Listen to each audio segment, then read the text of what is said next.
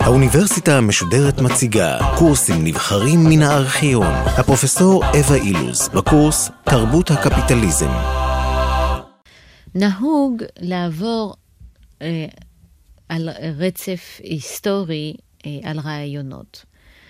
אה, ומכיוון שדיברתי על המאה ה-19, זאת אומרת על ההגות של המאה ה-19 על קפיטליזם, לא מקובל לעשות מה שאני הולכת לעשות היום, דהיינו, לדבר על ההגות של המאה ה-18 על קפיטליזם. אבל בחרתי ללכת בדרך הזאת מכיוון שאנחנו מכירים הרבה יותר את ההתייחסות השלילית לקפיטליזם של המאה ה-19. וכדי להבהיר למאזינים שלנו עד כמה חלק מהרעיונות של, ה-18, של המאה ה-18 מאוד חדשים, עדיין בשבילנו היום, וכדי להעביר את החדשנות שיש היום במקצוע הסוציולוגי, בשימוש של אותם רעיונות שהיו במאה ה-18, אני חושבת שהיה אה, נחוץ קודם כל ללכת למאה ה-19, לראות את הצורה שבה מסתכלים על קפיטליזם, כדי לחדד את מה שחדש ולא מקובל ברעיונות שאותם אני אציג היום. הייתי יכולה לבחור הרבה מאוד הוגים של המאה ה-18 שראו בקפיטליזם כוח תרבותי מאוד חיובי.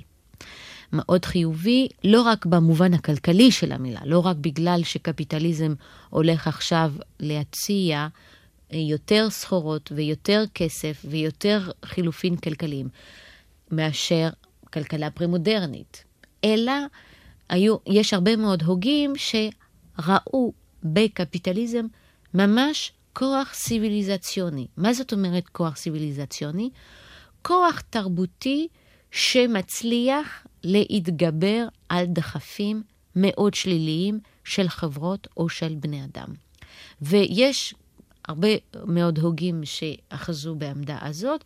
אני אתחיל רק בלדבר על אה, יום, אה, פילוסוף סקוטי, שכתב מאמר, אה, כתב אה, מסע called, אה, called, כתב מסע בשם On Commerce, על המסחר, ואני פה רק כדי לסבר את האוזן, רוצה להגיד, לדבר על כמה רעיונות שמופיעים במאמר הזה. יום אומר לנו שאותה תקופה שמייצרת נגרים, סוחרים ורוקמים, מייצרת פילוסופים גדולים ומוזיקאים גדולים. זאת אומרת, יש לו פה אמירה מתוחכמת על כך שקידום חומרי הולך יחד עם קידום באומנויות ובתרבות. ושהבני אדם יכולים ליהנות מיצירות שמשמחות את הנפש, בתנאי שהבטן שלהם לא מסתובבת רעבה. אבל הוא אומר, זה, זה רעיון, אפשר להגיד, די פשוט, אה, שכולנו היו יכולים לחשוב עליו. יש לו רעיון עוד יותר מעניין, לפחות בשביל סוציולוג, בשביל סוציולוגית. זה זה שככל שאומנויות מתקדמות יותר, בני אדם הופכים להיות יותר חברותיים. זאת אומרת שהיחסים שלהם הולכים וגוברים. ולמה? בני אדם מגיעים לערים, מחליפים ידע, רוצים להראות את האינטליגנציה שלהם, הטעם שלהם בשיחה הולך וגובר, אה, וגברים ונשים נפגשים אה, יותר ומתחברים יותר. זאת אומרת, מה שפה יום אומר, זה זה שככל שיש יותר יצירה בחברה, למעשה מכל סוג, גם חומרי וגם נפשי שכלי, ככל שיש יותר יצירה, יש מה שהוא קורא לזה, או מה שהרבה מאוד הוגים במאה ה-18 קראו לזה, עידון של הבן אדם, עידון של המניירות, עידון של ההתנהגות החברתית, ולא רק עידון, אלא גם רצון גדול יותר להיכנס בתקשורת עם אנשים אחרים, לדבר איתם, להחליף רעיונות, ידע ואינפורמציה. זאת אומרת שיש פה קשר מאוד מעניין שיום עושה בין עבודה לבין ידע, לבין חברותיות גדולה יותר. יש עוד נקודה שלישית אצל יום שהיא מאוד מעניינת, וזה זה שלפי יום, קפיטליזם, זאת אומרת, חברה שבה מתנהל מסחר יותר גבוה, היא לא חברה טובה בהכרח, זה לא מה שיום מנסה לומר. הוא, הוא אומר למעשה משהו הרבה יותר מתוחכם. הוא אומר שאם אנחנו משווים את המידות הרעות של חברה כזאת בהשוואה לחברה פרה-קפיטליסטית, פרה-מסחרית, אנחנו נמצא שהמידות הרעות של חברה קפיטליסטית תורמות לטוב הכללי, בצורה שלא הייתה נכונה בחברה פרה-קפיטליסטית. מה הכוונה? חברה קפיטליסטית, פרה-קפיטליסטית, מתאפיינת בלמשל הרבה מאוד אכזריות בכך שפותרים סכסוכים דרך מלחמה, אה, בא רצון לכבוד, רצון לתהילה מאוד גדולה של האצילים, וכל אלה עושים כך שזאת, החברה הקפיטליסטית היא חברה רוויית אלימות. מה יום ועוד אחרים אומרים? הם אומרים, זה נכון שחברה של מסחר לא מדברת אל רצון הכבוד והתהילה של בני אדם. זה נכון שהחברה כזאת למעשה מדברת ומעודדת סוג של אגואיזם וסוג של תשומת לב לאינטרס העצמי שלי. אבל מה שפה מעניין בחברה כזאת, זה זה שאני תלוי באחרים כדי לקיים את האינטרס העצמי שלי. אם אני רוצה למכור, אני צריך להיות נחמד למי שאני מוכר אליו. עכשיו, זה אומר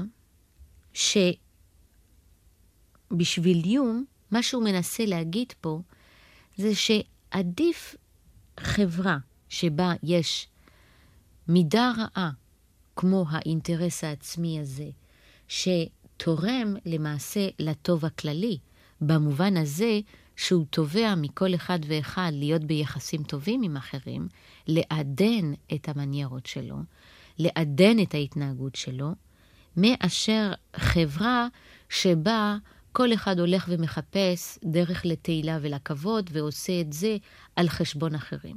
אני רוצה לתת לכם עכשיו שתי דוגמאות של הרעיונות האלה, כפי שהם באים על ידי ביטוי בעבודות של סוציולוגים עכשוויים. והדוגמה הראשונה מתייחסת למושג הידידות. סוציולוג אחד, אה, אמריקאי, סובר כי מושג הידידות, כמו שאנחנו מבינים אותו היום, נולד לא רק יחד עם קפיטליזם או עם חברת שוק, אלא בעזרת חברת שוק. ומה הכוונה פה? כאשר חושבים על חברה פרה-קפיטליסטית, כמובן שיש ידידים בחברה קפיטליסטית, אבל התפקיד של ידידים בחברה כזו הוא לעזור לנו נגד האויבים שלנו.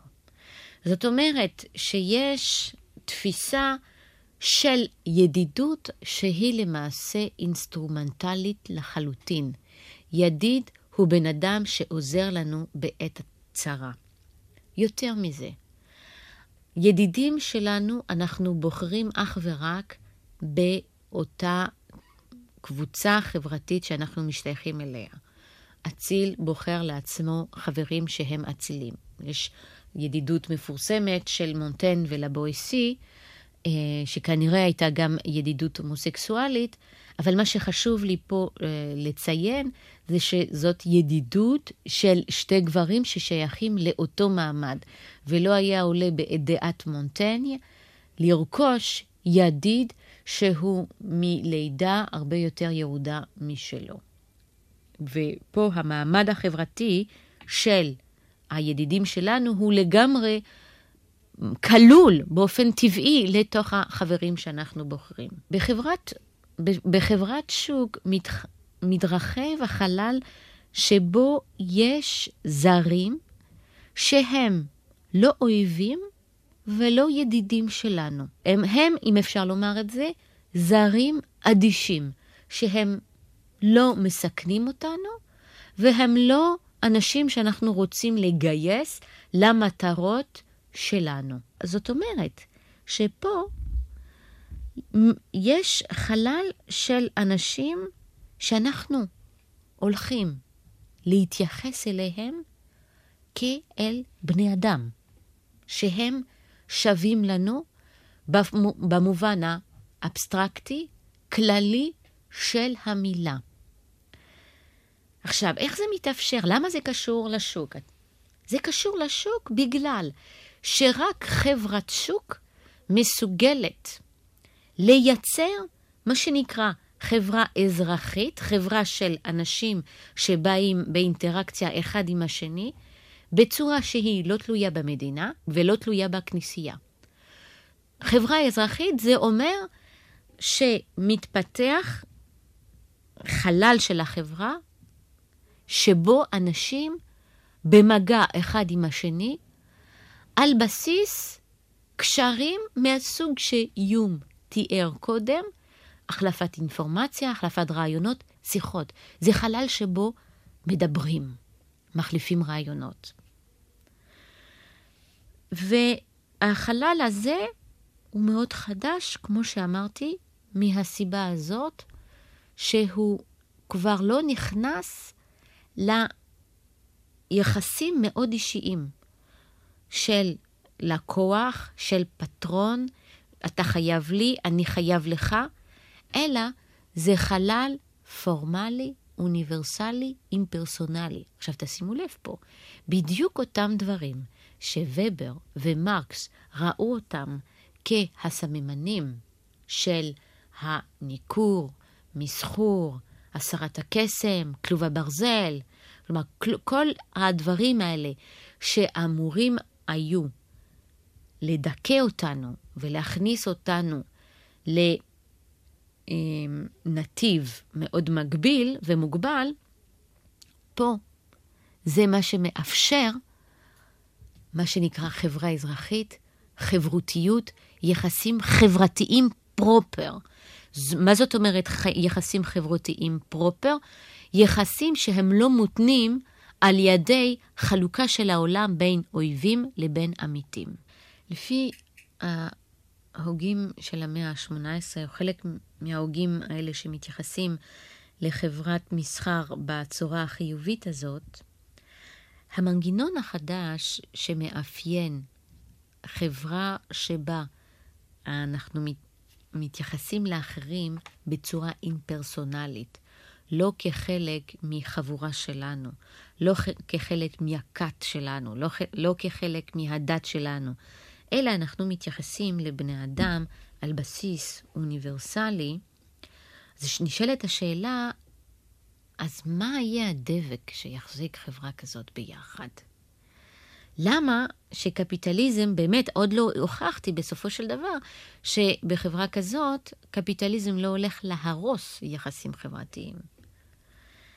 וזה פה, אני חושבת, בדיוק הנקודה המאוד מעניינת. זה זה שאין שום ספק שקפיטליזם הורס הסולידריות הקהילתית. אני מגדיר את עצמי כחלק מקהילה כזו או אחרת.